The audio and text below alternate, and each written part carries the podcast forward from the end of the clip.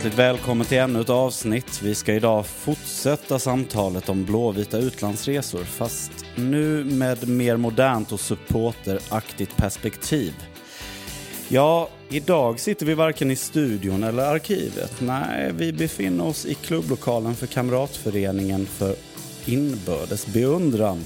För idag ska jag, Petter, intervjua dig, Johan. Eller? Jag tror, ja, det, så, så verkar det vara. Exakt, ja du sitter ju... Välkommen Tackar. Till, till, till ditt verk. Ja, det är lite udda men trevligt att få ställa upp som gäst i egen podd. Ja, ja verkligen. Det har, ja, det är udda för oss båda det här. Men det, anledningen till att du sitter här nu som intervjuoffer då är ju att du sitter ju nämligen på en imponerande svit eh, av att följt Blåvitt i Europaspelet. Mm. Hur många bortaspelsresor runt om i Europa har du varit på? Nu måste jag säga rätt här, för det finns ju två som har gjort en mer än mig. Eh, men 13 tror jag att det är. Eh, sen eh, Basel borta 2008. Basel men eh, då får man ju direkt säga att man är ju... Man får ju säga att man är lite underlägsen eh, de två andra. Både Mattias eh, Henriksson Laholm och Mattias Sandsäter som gjort en mer i rad. Oj, ja, vilken är det de har då? Det är all... Nej. Nej, San Marino, SS Morata åkte de båda på innan jag hakade på detta försök till eh, någon sorts svit. De var där och hurrade för Tobias Heisen. Ja, Ja, så det, de sitter alltså på den längsta nuvarande sviten. Mm. Då, ja. precis. Sen, sen eh, får man väl också nämna att då, då pratar vi ju svit i rad. Det finns ju många legender som har fler resor totalt. ja, men precis. Kan du, kan du namedroppa lite där också? Ja, då, Lå- kanske? Lången är väl eh, den som jag kommer att tänka på först. Mm. Jag, jag vet inte, men jag tror att det är uppemot 50 stycken eh, bortaresor i imponerande. Europa. Eh, han var väl kanske lite mer eh, fortunate att vara vuxen nog att åka på allt när vi spelade 17 borta matcher i Europa per år snarare än en halv som Ja, snittet just är just nu kanske. Ja, det är inte riktigt, vi är inte rätt, riktigt rätt generation att kunna liksom ha så många matcher i bältet ändå. Precis. Men å andra sidan gör det ju lite enklare att hålla igång en svit Ja. eh, när det inte är så många resor. Hur, hur viktigt är det just att, att eh, du och dina två banemän där och sitter på just sviter? Om, om man frågar Laholm så, så, så säger han att han inte ens vet om att det är en tävling. Humble brag, tror jag de kallar det. Precis. Eh, jag, jag och Sandsäter eh, skämt, skämtsamt tävlar väl lite med varandra. så. Men, men för mig handlar det ju... Jag är ju ingen... Eh, jag har inte gjort en 30 till exempel. Jag har inte sett alla 30, eller, alla 30 allsvenska matcher en säsong. eh, jag missar alltid några bortamatcher och några hemmamatcher oftast. Så då får man ju försöka hitta någon annan kategori där man är duktig på.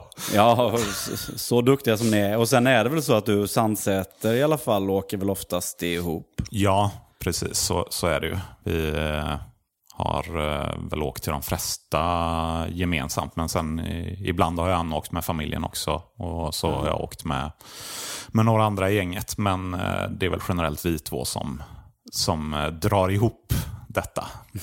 Ja, just det.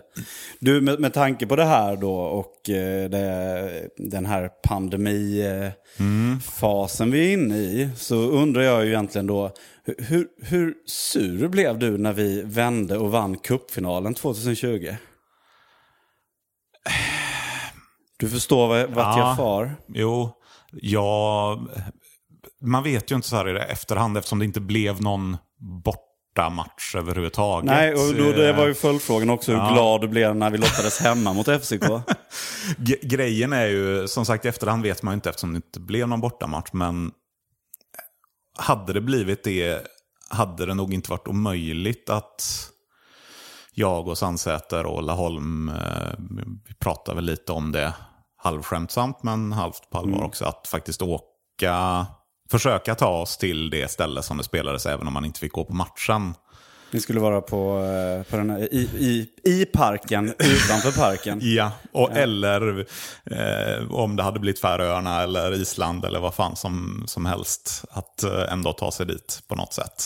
Ja, jag minns vi hade någon i styrelsen som sa det liksom när det blev klart att ja, men nu är det bara att sätta sig i i Centraleuropa någonstans, Ja. liksom i karantän två veckor innan matchen sker. Så får, eller eh, i två veckor innan lottningen, Ja. eller vad det var. Och sen utgår vi från det. Liksom. Precis.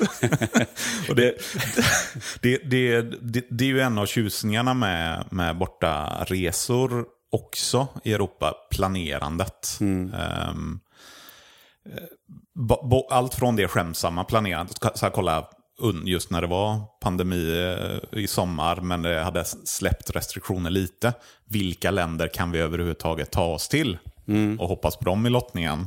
Ehm, men eh, en vanlig säsong så jag och, Sandsäter brukar ju prata och planera inför om vi vet att vi ska spela Europa eller om det finns chans genom kuppen att spela Europa så, så drar ju vi igång planeringen långt innan det är lottning överhuvudtaget. Det är, Europakonto är ju det enda sparkonto man har.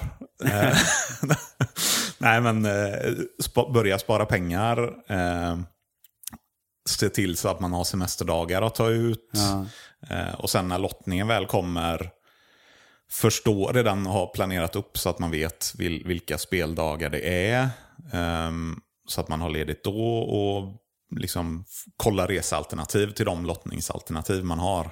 Ja. Så att när man väl vet motståndare så har man i princip, man kan trycka på några knappar så har man resan bokad nästan. Ja, precis. Det blir någon, eh, jag har ju hört er prata om det och vi, vi kommer väl till det också. Men just det, det blir nästan ett eget Europakonto och ett Europalingo. Att, Ja. att ni pratar om, ja vi får se hur det blir mellan Q1 och Q2 här nu då. Och vad innebär Precis. Q1 och Q2?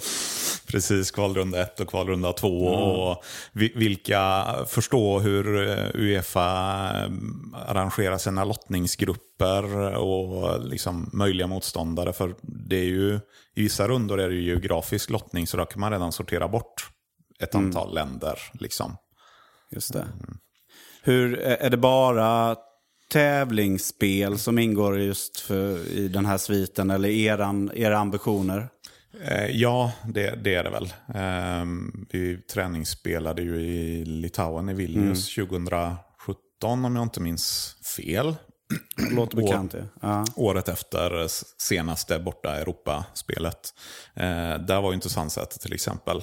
Eh, men Jarlaholm var ju där. Det, det, var ju, det är ju mer få samma känsla fast det ingår inte riktigt i sviten. Precis som träningsspel i Norge eh, på försäsongen ingår inte i, i sviten. Nej, nej, just det. Nej, just det. Eh, men om, förutom då planerandet och sådär, hur, alltså, hur skulle du förklara hur, hur en bortaresa utomlands gentemot de inrikes bortaresorna, hur skiljer de sig? Det är väl där någonstans som, som kärnan i varför jag fastnar för just Europa bortaresor finns. Inrikes borta, bortaresor i Allsvenskan och kuppen är ju det, det är också en, en trevlig grej. Så det är, en, det är en lite tajtare kärna, det blir en liten upplevelse. Men det är ju generellt, man åker dit samma dag och man åker hem eh, samma dag. Man ses på läktaren, man ses lite på uppladdningen inför och efter. Men för mig är ju Europa-spelet... Matchen blir ännu mindre viktig på något sätt egentligen. Ja, det hade jag som fråga här också. Just, just den här upp, uppsjön av upplevelser och antal dagar som man lägger ner i så här. Hur, alltså resultatet i matchen, alltså, eh, sköljs den av? Alltså tänk en förlust borta i Slovakien. Liksom. Det, det är klart att den, den är viktig också resultatmässigt, men, men just reseupplevelsen så är det ju... Matchen blir nästan en ursäkt att åka till de här udda ställena. Jag, jag ser det som att eh, det, det är liksom en, en lottning för mitt semester, eller mina semesterresmål.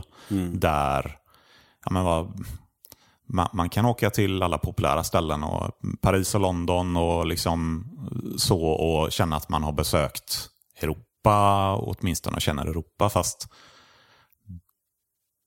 den, det riktiga Europa är, är snarare slovakisk landsbygd, någon mm. walesisk pensionärshåla eh, och eh, någon mindre ort i Ungern som, som gör att man får en annan känsla för det. Plus att det är inte bara en dit och tillbaka-resa, in, inte för, för vår del i alla fall, utan att vara där minst tre, fyra dagar och kunna uppleva landet eller den delen av landet också. Ja, det är väl väldigt sällan i andra situationer man kan få igenom en resa genom liksom kolgruvor i Europa. Nej, precis. Det, och det, det handlar ju inte bara om resmålet utan kanske också resan dit. Visst, ibland så, så flyger vi till, till bortaresorna men eh, ofta så har vi åkt minibuss eller bil också och mm. stannat till på, på resmål längs vägen. Allt från, jag kommer ihåg, det var lite dumt, men vi, när vi åkte till Gör så stannade vi till i Wroclaw, eh, eller Wrocław, hur man nu ska uttala det. Eh, på vä ja. precis på vägen ner. Sen lottades vi mot dem nästa år. Mm. Eh, men att stanna på vägen och se andra delar som man passerar är också mm. intressant. Så att alla som vill åka på Europaresor skulle jag verkligen rekommendera att ta ta det inte bara för den dagen där utan planera upp lite andra utflykter också. Mm. Ja, precis. Min, min upplevelse lite av att höra folk som pratar om bortaresorna är ju lite som att höra men, män prata om lumpen. Liksom, att det, man skulle ja. varit där. Eh, det, blir ofta liksom, eh, det blir ofta internt och romantiskt. Ja. Eh, alltså, håll, håller du med om det? Eller ja. kan, du, kan du se dig själv i det? Absolut. Absolut. Som, som man som har gjort både lumpen och, och åkt på bortaresor så, så är det lite, lite samma. Man gillar att återupprepa de där historierna så fort det är någon annan i sällskapet som som upplevt samma eller liknande. Um, och det, det, är väl något sorts självförhärligande också såklart i det. Hur, eh, är det viktigt för dig om vi, när vi lottas mot ett lag i Europa, om vi börjar hemma eller borta? Ja, viktigt utifrån resehänsyn är det ju det. Um, en borta match först ger ju mycket kortare tid och och säkerställa att allt finns på plats från bokningar till eh, ja, men semesteransökningar och vad det nu kan vara. Speciellt i vissa rundor där det är väldigt kort tid mellan lottningen så, så är det väldigt, jag tror att... En Q2, Q3? Ja, pre precis. Jag tror att om man går in i Q2 så har man rätt gott om tid på sig för att Q2 lottas samtidigt som Q1. Eh, mm. Men om man går in i Q1 så kan det ju vara bara två veckor tror jag mellan lottning och, och resa. Eh, och Det är väl där som planeringen kommer in också. Så till exempel när vi, eh, nu var det förvisso i, i Q4, men när vi mötte eh, Karabach så det var ju inte bara att fixa resa, det skulle ju fixa visum och, och de delarna också. Så vi är där, alltså i Baku i Azerbajdzjan. Så där hade ju vi jag, jag kommer inte ihåg exakt vilka möjliga motståndare vi, vi hade utöver eh, azerbajdzjanierna, men de övriga krävde ju inget speciellt, så att där, där fanns det ju möjlighet att liksom bara boka en flygresa så var man mm. hemma. Men där hade ju jag Sandsäter och Laholm och några till som planerade att åka oavsett. Vi hade ju så att säga kollat upp allt man behövde göra redan innan lottningen. Så att när lottningen var klar så ja, men kunde vi i princip skicka in papper dagen efter för att vara säkra på. Vi behövde inte ta något snabbspår för visum som vissa andra behövde göra för att ja, men man hade inte planerat innan och sen kom det och sen inser man att man vill åka. Alltså det, det, man, man beundrar ju den här rutinen och, och liksom att, att ni har lite andra ingångsvärden utifrån om vi, om vi skulle vinna cupfinalen. För då, då blir det lite lättare att planera då, mm. eftersom vi går in i kvalificeringsrunda Precis. två.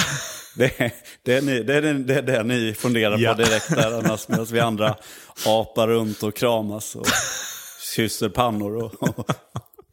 Precis.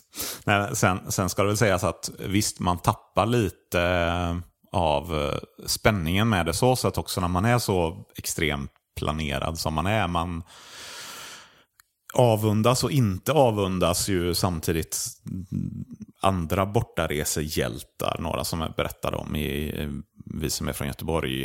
Eh, boken ja. som, som Blixten och Dingle som så här ja, vi, vi försöker så får vi se om det går. Snarare än att man har en hel rutt planerad innan man lämnar eh, trygga Sverige.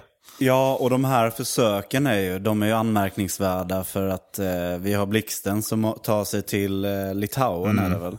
Och det är ju inte vilket Litauen som helst utan... Precis, det är ett eh, Sovjet-Litauen. Sovjet-Litauen. Och, och vi har Dingle som ska in i, i Enver Horjas eh, Albanien. Ja. Och eh, ja, har man varit i Albanien eller läst på lite om Albanien så är det... Ja, man, man, folk kanske inte har det i medvetandet ja. hur svårt det var att ta sig in, eller ut framför, framförallt ur Albanien.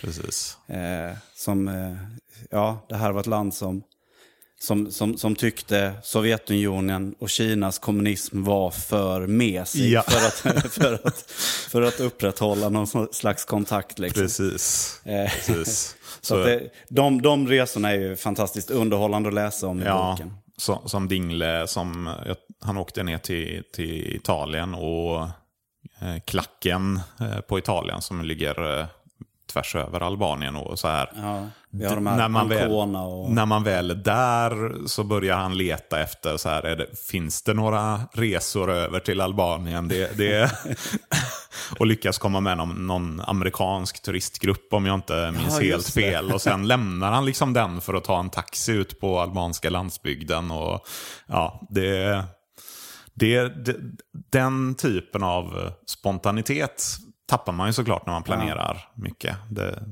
det närmsta sådana misslyckanden jag kommit var väl just eh, när vi skulle till, till Baku. Där eh, vi hade ändå sökt visum i tid, god tid. Jag tror vi skulle resa en onsdag morgon.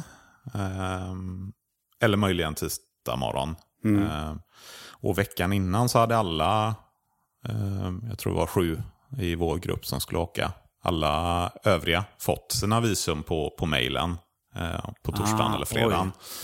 Och, och mitt kom inte trots att vi sökte samtidigt. Så då, då blev man lite så, ja ah, men okej, okay, men det, det, är ändå en helg och måndag och tisdag innan det behövs. Mm. Jo, men vi åkte på onsdag. Måndag kom inget visum, tisdag kom inget visum. Onsdag när vi samlades vid centralen för att ta oss ut till Landvetter hade jag fortfarande inget visum. Eh, kom ut till Landvetter, inget visum. Och sen, precis när vi skulle gå igenom säkerhetskontrollen på Landvetter så, så trillade visumet eh, ner i mailboxen. Och det var ju en lättnad. men men då, börjar, då börjar man ju det här, den här spontana planeringen. Okej, okay, ja, men vi kan ta oss till Istanbul i alla fall som vi skulle mellanlanda i. Inte fy skam. Precis. Eh, hur, hur, vad, om jag inte fått visumet då, kan man muta sig in i Azerbajdzjan? Vad, vad skulle det kosta? Vad är riskerna? Vill man testa det? ja. Så ja, det, det var lite nervigt ett, ett tag där. Men det löste sig ju väldigt bra. Ja, och just med Azerbajdzjan där, det är väl en anmärkningsvärd eh, resa just som har gjorts eh, under 2000-talet mm. i alla mm. fall för IFK Göteborg. Eh, av många anledningar, men jag kan tänka mig också framförallt för, för er supportrar som åkte ner dit. Ja. Va, jag ja, tänker absolut. just att du, att du nu lite får redogöra här. Liksom, med, med tanke på det spektrat som du har varit med om, mm. eh, de olika resplatserna i Europa, alltså vilka som har varit de största kulturkrockarna, både liksom resmålsmässigt men också liksom matchupplevelsen. Mm. Eh, där, där, där ligger såklart Azerbajdzjan på, på någon sorts topplista. Eh, Tel Aviv 2009 eh, eh var väl också den, så att säga, Europa kan ju bara bli så annorlunda. Det, ja. det, är ju liksom inte Asien eller Afrika på det sättet. Men, men Azerbajdzjan är ju absolut topp. De, dels för att det är en riktig diktatur. Det är, som, som turist så finns det nu gör jag kaninöron här. Men fördelar med det, för det är ju det är väldigt ordnat på det sättet. det. Ehm, men det är ju li, lite udda och, och när vi stod på, på stadion där så här nästan en polis per eh, borta besökare och värnpliktiga soldater som står runt hela löparbanan för att eventuellt stävja liksom, läktarbråk från, från någon del av arenan. Eh, vä- väldigt sådär militäriskt eh, bevakat på något sätt som man kanske inte är så van vid från Nej, man, man vanliga- tänker nästan att, den, att det är liksom daterat, just, just den upplevelsen Ja. i Europa. Men det, det, det finns där. Precis. Eh, och sen såklart ett väldigt annorlunda land, Azerbajdzjan eller Baku. Speciellt Baku som stad som ju ändå är en stor, stor stad på det sättet. Det, det är ju, du har det gamla Sovjet eh, på ett sätt som har påverkat mycket. Men det är ett turkiskt folk så du har mycket liksom, Turkiet-vibbar eh, kring kultur. Det, det är ju inte en det är inte Sibirien utan det är ju mer ett liksom, turkiskt klimat på det sättet. Ja, visst, var, visst var det väldigt varmt? Ja, precis. B- både det klimatet men också liksom det kulturella klimatet. Men sen har du även olje, olja. Eh, Azerbajdzjan är ju väldigt oljetätt på det sättet. Så du har väldigt mycket så här Dubai-känsla över det också med enorma skyskrapor ja, kombinerat med diktatur. Enorma skyskrapor och det är extremt lyxigt på, på vissa ställen. Och sen åker man utanför stan så, så är man tillbaka på medeltiden nästan i hur folk är så. lever. Eh, så det, det var en väldig krock att få uppleva. Och för mig som kanske inte reser så mycket utanför Europa egentligen så, så är det en väldigt udda upplevelse. Och eftersom det är en svensk podd så sitter väl alla lyssnare och undrar hur var maten? och, Ma- och fick ni dricka öl?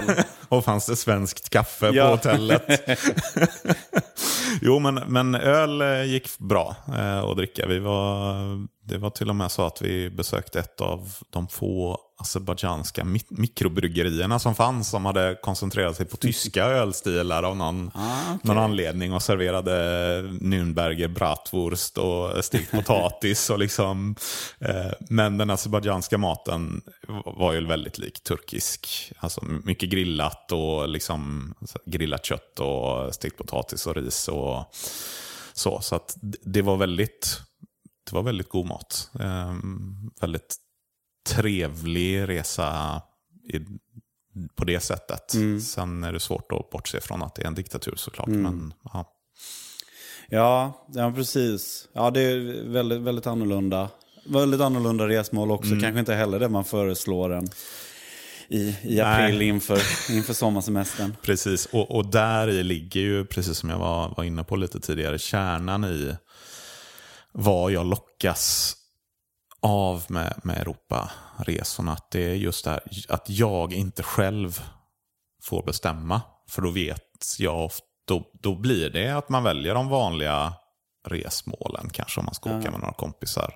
Det blir solsemester eller det blir eh, stadssemester. Det är inte så ofta någon så här, ja men ska vi dra till Baku eller ska vi dra till Dubnica eller ska Ja. vi dra till eh, Llandudno i Wales eller eh, så. Så att eh, mm, det, det, det Det ger är inte en så att man kastar pil på en Europakarta. Nej, precis. Eller, eller Israel för den delen. Det är klart att Israel är inte ett helt ovanligt semestermål så sett. Men det är inte något av de första semestermål jag hade på min lista att besöka Europa inför det. Men jag är otroligt tacksam i efterhand av, av att få sett Tel Aviv och sett Jerusalem och Gamla stan i Jerusalem. Liksom. Eh, Besviken på att vi åkte hem en dag tidigare så att vi inte åkte till Döda havet som Laholm gjorde Ja, alltså en dag, inte en dag tidigare än matchen utan alltså en Nej, dag tidigare än vad det precis. var tänkt. Matchen, eh, den bara glöms av Ja, någonstans ja, där i... Ja. ja, hur gick det? Vi torskade väl med, var det 2-0? Det, det är sådana där, eh, kommer knappt ihåg Sekundärt, resultaten. sekundärt. ja, jag, jag, jag tycker ju också att det finns något liksom eh, just där när du pratar om att eh, man inte, att något annat bestämmer åt en vad, vad man ska göra. Liksom, att Det finns väl någon liksom essens av supporterskapet i det. Liksom att, att även, även resultaten eh, kanske mest då på hemmaplan Ja. när man inte åker ut och också bestämmer hur man mår. Någonting man inte kan Någonting man inte kan älta egentligen för att man kan inte själv göra någonting åt det. Nej, precis. Eh, precis. ja, superintressant. Eh, det där. Finns det någon annan, liksom, eh, så här, finns det, finns det någon typ av, av tripp som du känner att du kan sakna, liksom, eller att du inte har gjort? Ja. Och, och Sandsäter kommer eh, mörda mig om jag inte säger Färöarna eller Island. Ja. Det, det har vi pratat om många år och hoppats på i lottningen i många år. Att, eh, dels för att jag inte varit på Färöarna eller Island överhuvudtaget. Men också för att det finns ju... Man kan ju, man kan åka färja från västra Danmark till Färöarna och sen vidare till Island. Det hade varit en, en upplevelse. Det hade, varit, det hade varit en rolig båtresa Ja, det, det finns jacuzzi på akterdäck Ja. och liksom en bar. I, kunna sitta där, jag tror det tar en, en dag till, eller 24 timmar ungefär till Färöarna och sen 24 timmar till Ja, det där är ju en sån tripp jag har kikat på. Utöver Ja. just huruvida Blåvitt skulle... Jag ska åka dit och titta på Ken Fagerberg. nej, men... Precis. nej, nej, men Thomas, utöver det. Thomas Mikkelsen tror jag spelar på Island också. Ja, så vi kan ta en. Fagerberg Mikkelsen. Ja, Island har jag faktiskt varit på. Det är ett fantastiskt Ja. land att besöka. Eh, såklart så, så en hotellnatt i Keflavik där vi köpte Hjalmar Jonsson ifrån. Precis. Nådde med mig en, en badhandduk därifrån. Som jag betalar ifall det är någon som lyssnar. Ehm, därifrån. Så det, det, det är åt det hållet skutan ska styra om ni, du och Sandsäter hade fått bestämma. Ja, Något sen, annat?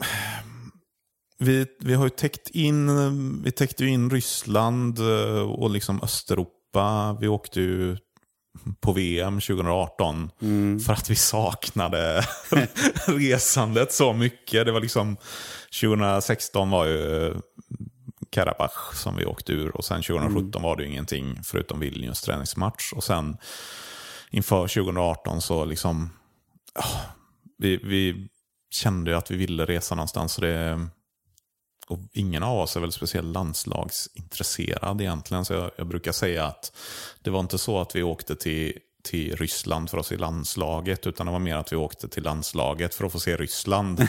Ehm, och, och gör, ja, men, gör det till en operaresa. Vi, vi åkte till Sankt Petersburg, satte oss på ett 37 timmars tåg ner till Sochi. Bara det är en upplevelse. Det kan jag tänka. Eh, och sen inrikesflyg till, till Moskva.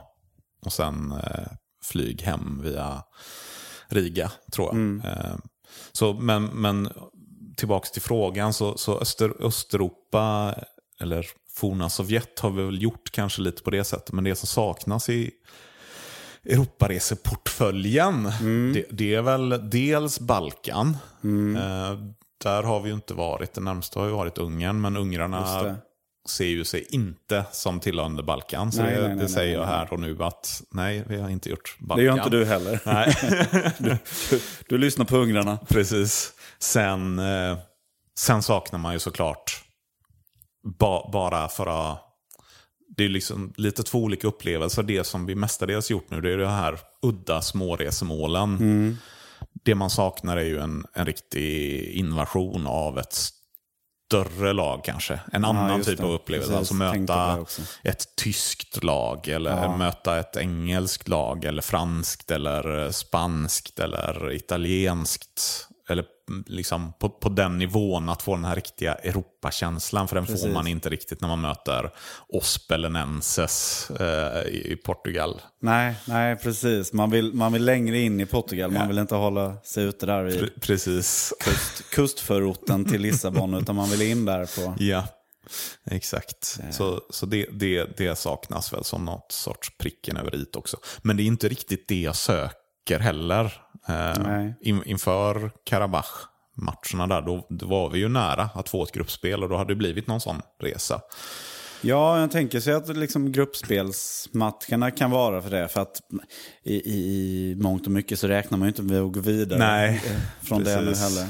Men för, för oss, så, och nu, nu raljerar jag lite, för er som, som lyssnar så ska ni inte ta det här jag säger på fullt allvar, men det blir nästan lite jobbigt med gruppspel.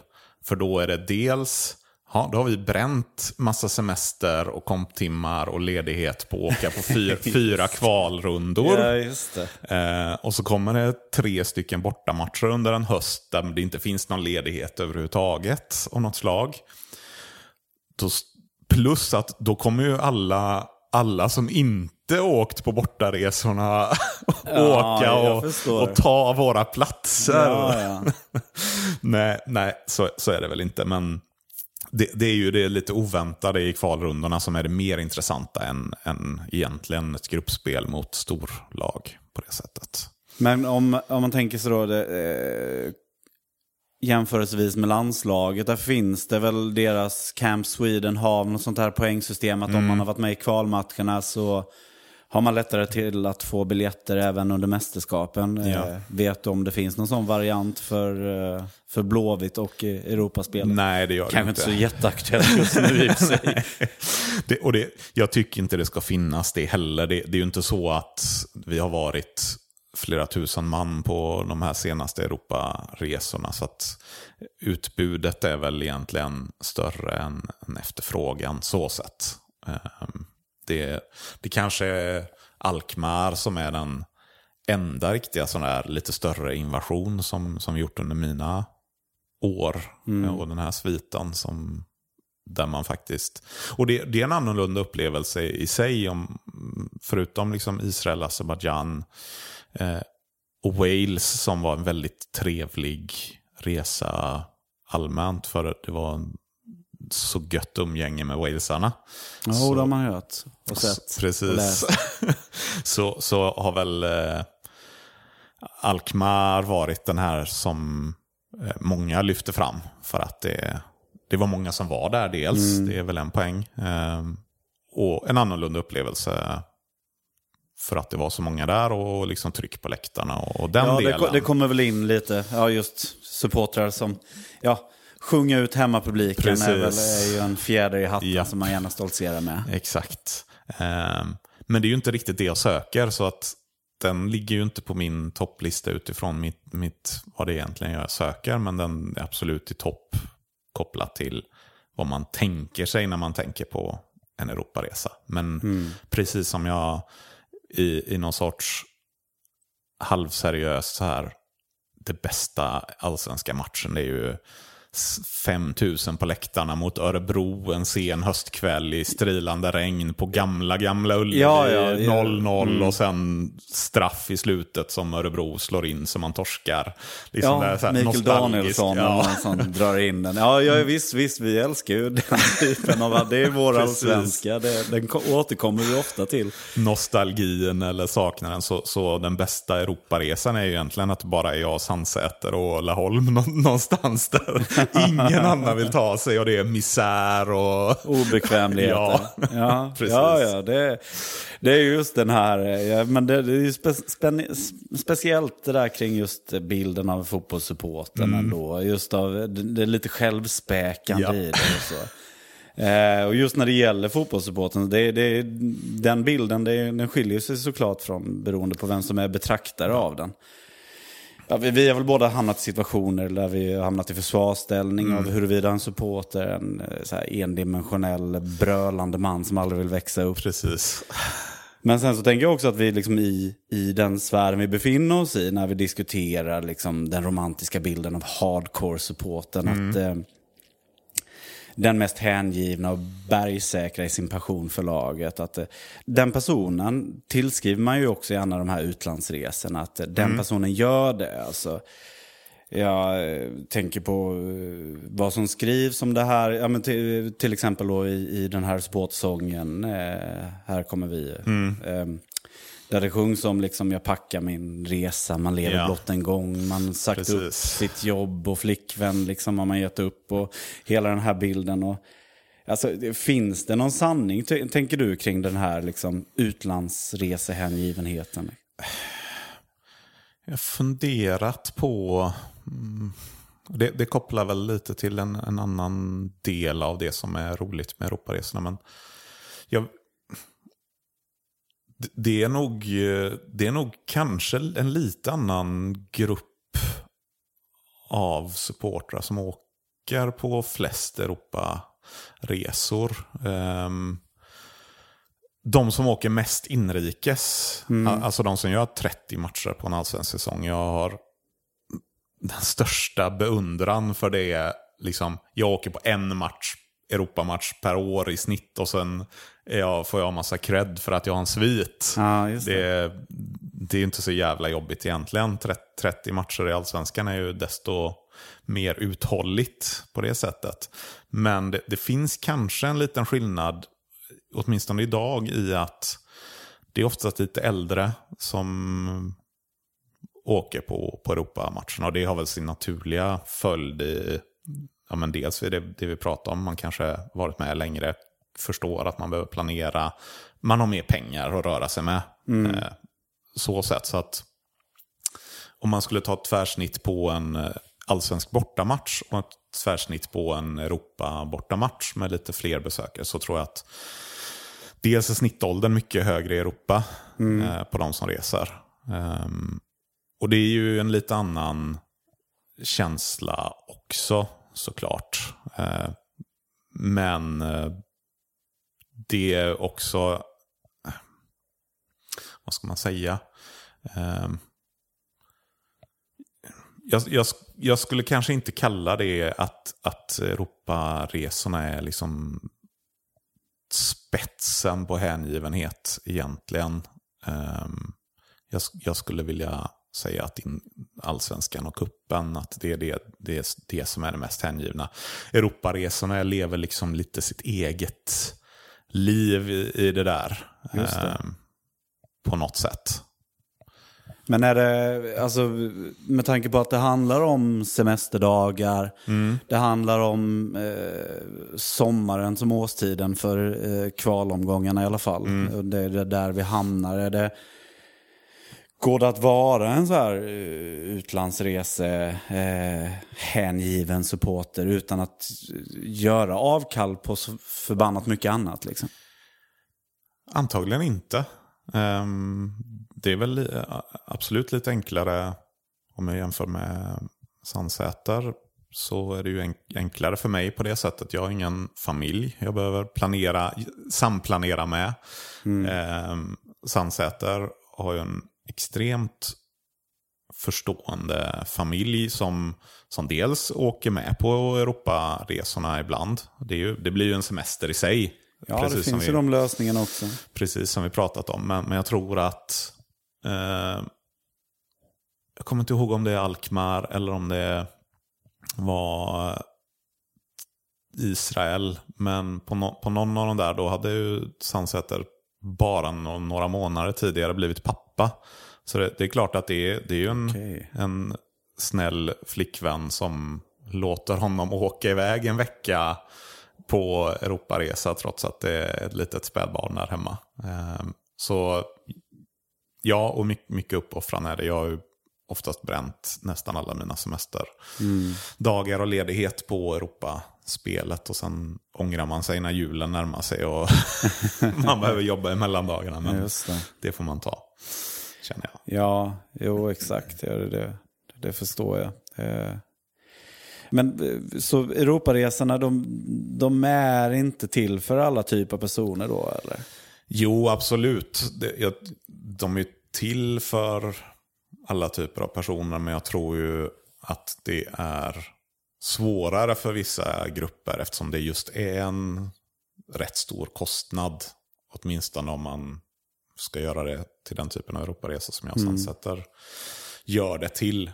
Um, men jag skulle absolut re rekommendera det att om, om man får chansen och möjligheten att inte bara åka ner över dagen utan faktiskt stanna, stanna till. För, för åker man ner över dagen så, så blir det, visst man, man har sett Europamatchen men man har ju mm. inte gjort speciellt mycket annat än man gjort på en bortaresa i allsvenskan egentligen. Man har suttit, suttit på en buss och man har gett sitt stöd på, på läktaren. Och, och absolut, det, det är ju jätteviktigt också, inte minst i Europa. Men mm. man har ju inte upplevt ett annat land på det sättet direkt. Jag avundas inte och jag tycker synd om, jag vet det var väl, eh, när, det var väl första gången vi träffades kanske. Eh, om jag... Ja, just det. Du avundas inte mig. Nej, men jag, jag, minns inte fel, det var någon av de två Polen-resorna vi gjort. Det var, Ja, det var den, den andra, eh, ja. Gliwice. När, när eh, jag tror det var UGs, eller om det var Supras, ah. buss som så här, kom ner precis innan matchen. Just det. Lämnade precis efter matchen och får typ motorstopp eller gå sönder på motorvägen utanför arenan. Och, ja, så här, man får sova på bussen och vänta på reparatör. Och, och ja, det, det, det är så jävla strångt att orka med det. Men det är... Fan, te testa en annan upplevelse ja, nästa gång om ni har möjlighet. Och då att man ska jagas ut ur en polsk, ja. polsk stad med sina banderoller fast... Eh, Fast tejpade runt magen yep. innanför tröjan. Ja, nej. Exakt. Nej, det är sant. Vi möttes ju i Gliwice och ja. det, det, det, visar ju också lite och, alltså, vad som kan hända ja. på de här resorna som kanske inte händer när man åker. Precis. Jag har åkt på många allsvenska fotbollsmatcher eh, som eh, supporter, fast mm. ändå som i marginalen, inte tillhörandes någon grupp, en längre tid som exilsupporter. Och så men när jag väl åkte ner, och jag åkte ner själv till, till Gliwice mm. här ett par dagar innan och gjorde ett par dagar i, i stan eh, i närheten. Vilken är det nu igen? Jag kommer inte ihåg om det var Katowice. Ja, Katowice, ja precis. Eh, och eh, Ja, det, det, det, ble, det var ju något annorlunda. Ja, Man, annars hade du nog inte suttit här idag. Absolut inte. Jag hade inte suttit i styrelsen i Änglarna. Och, eh, eller, när du är ute med din scoutingverksamhet i valberedningen. Ja, det är min, do, min dolda uppgift egentligen med Europaresorna. Det är att scouta för valberedningen. Ja, ja. ja exakt. Ett sultanuppdrag. Nej, men så, så är det. Jag, jag har många bekantskaper kring fotbollen som som vi inte hade haft utan Europaresorna. Och det ligger väl i, det, i dess natur också, precis som vi varit inne på, att en bortaresa så man ses två timmar på läktaren, mm. någon timme eller några timmar innan.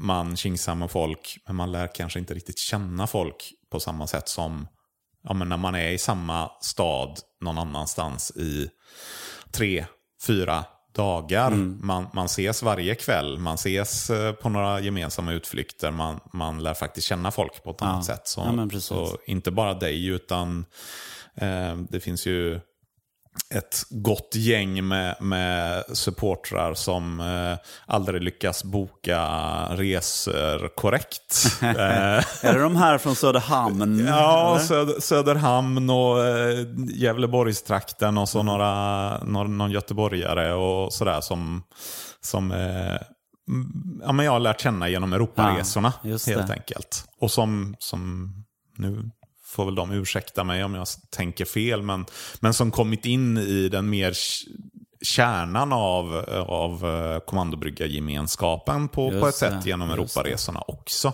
Ja, ja det, man kommer in, det finns ju olika vägar att komma ja. in i beroende på lite vad man är som person också. Det, det, kommer ju fram. Alltså det är ganska öppet klimat och, och, och vara tillsammans i, i, ett annat land. Ja. Kanske och, för att man har gemensamheter av att man kommer från samma land, kanske en viss kultur. Precis. Där. Man, precis. Blir, man och, blir likare. Och även att det, det kanske det är färre som åker, så man har kanske inte sitt stora eh, gäng som man brukar gå på liksom, fotboll med och laddar upp med inför match på samma sätt utomlands. Att där, där umgås man mer över gränserna på, på mm. något sätt. Eh, det, det är många resor där ja, men, jag har gjort, man gjort utflykter eller, eller käkat gemensamt med folk som jag kanske inte hade, inte för att jag ogillar dem, men, men de tillhör inte samma gemenskapskrets eller kompisgäng här hemma. Så att jag umgås inte med dem här. Men, men utomlands så hamnar man plötsligt i ett gäng där det är en eller två från varje gruppering eller vad man ska, ska kalla det. Ja, det, det är intressant. Ja, exakt. Och Ytterligare liksom en, en, en vacker ingrediens i, i supporterskapet. Precis. Det enda jag kan känna ånger för när det gäller det här med att eh, åka eh, på utlandsresa, det är inte att man planerade dåligt, som i mitt fall blev det ganska mycket så att jag bokade fel hotell och liksom åkte runt lite planlöst mellan städerna. Det var ju två dag, dagar tidigare än Ja. andra supportrar och sådär. Utan det är det jag känner att jag ångrar är att jag inte åkt på Europaresor tidigare. Ja. Det, för det är något speciellt, det är det. Det, det ångrar jag också, men jag har blivit supporter relativt sent. Som, som Laholm till exempel, som ligger en, en före i sviten, men han har ju åkt på några matcher ytterligare innan dess. Jag kommer inte ihåg om han var i, i Luxemburg i Intertoto-cupen och om det var Irland eller Nordirland i Bara att, tidigare bara att ha år. åkt utomlands på Intertoto-cupen. Precis. Och ja, det, det, jag, jag ångrar ju också att jag missade San Marino, inte minst som samma år som jag började åka. Ehm, och någonstans där så hittar man kanske det som får den här sviten och hålla sig. Det, jag har lärt mig ett nytt begrepp eh, Alltså? den här hösten. Som, Flockimmunitet. ja, precis. FOMO. FOMO. Ja. Oj, är det någon, då är det lek med de två begynnelsebokstäverna av, av två ord här? Ja, ja, det är fyra ord. Så, är det, ah, det är ja. fyra ord. Nej, det kommer jag aldrig lista ut. Det, det är ju en känsla som man absolut vet vad den är, men jag har inte haft ett ord på det. Fear of missing out. Aha. Det, där är grunden. Man, man vill ju inte missa. Det kan ju vara den bästa Europaresan någonsin. Ja. Och så åker man inte på den. Nej. Det, det är det som driver mig i grunden. Ja, precis. Det är som att åka till Gliwice och sen inte åka till Helsingfors efter. Precis. Det, vi får verkligen hoppas att vår älskade förening tar sig ut till Europa Ja. oftare framöver. Och att eh, vaccinsprutorna biter snabbare över, runt om eh, vårt, Japp. vår kontinent så att vi kan ta oss ut igen. Och då är vi där Johan och eh, jag känner väl att den här intervjun börjar lida mot sitt slut. Eh, på konstiga grunder så är det jag som intervjuar dig trots att det är John som har eh, högskolepoäng i journalistik. Men han har ju inte åkt på den där Europaresan om jag inte minns fel. Så att, eh, Därför diskvalificerar han sig. Härligt. Fan, det, var, det, var, det här gick väl ändå bra? men det här det- var ett härligt sätt att prata på också. det tycker jag. Kan vi inte göra så här i alla Ja, exakt. framöver? Ja, eh, ja, vi får se helt enkelt. Ja. Vi, vi, vi testar. Eh, eller så kommer vi tillbaks nästa gång, nästa vecka. Vi får se när nästa avsnitt Ja. kommer. Och då, då ska vi hata lite ihop Ja. tycker jag. Det låter bra. Låt oss. Har vi, vi har varit alldeles för trevliga och Ja, glada ja, det här avsnittet. Nu måste, vi, nu måste vi gräva i våra mörka tankar. Ja. Men det gör vi nästa gång. Eh, ni har lyssnat på Kan ni göra våran podd med mig Petter Wemblom och dig Johan Elisson. Kamratligt välkomna tillbaka när det är dags igen. Och låt oss ses i framtiden i ett Europa På någon konstig landsbygd någonstans. på Färöarna. Ja. Vi säger så. Hej på er. Hej då.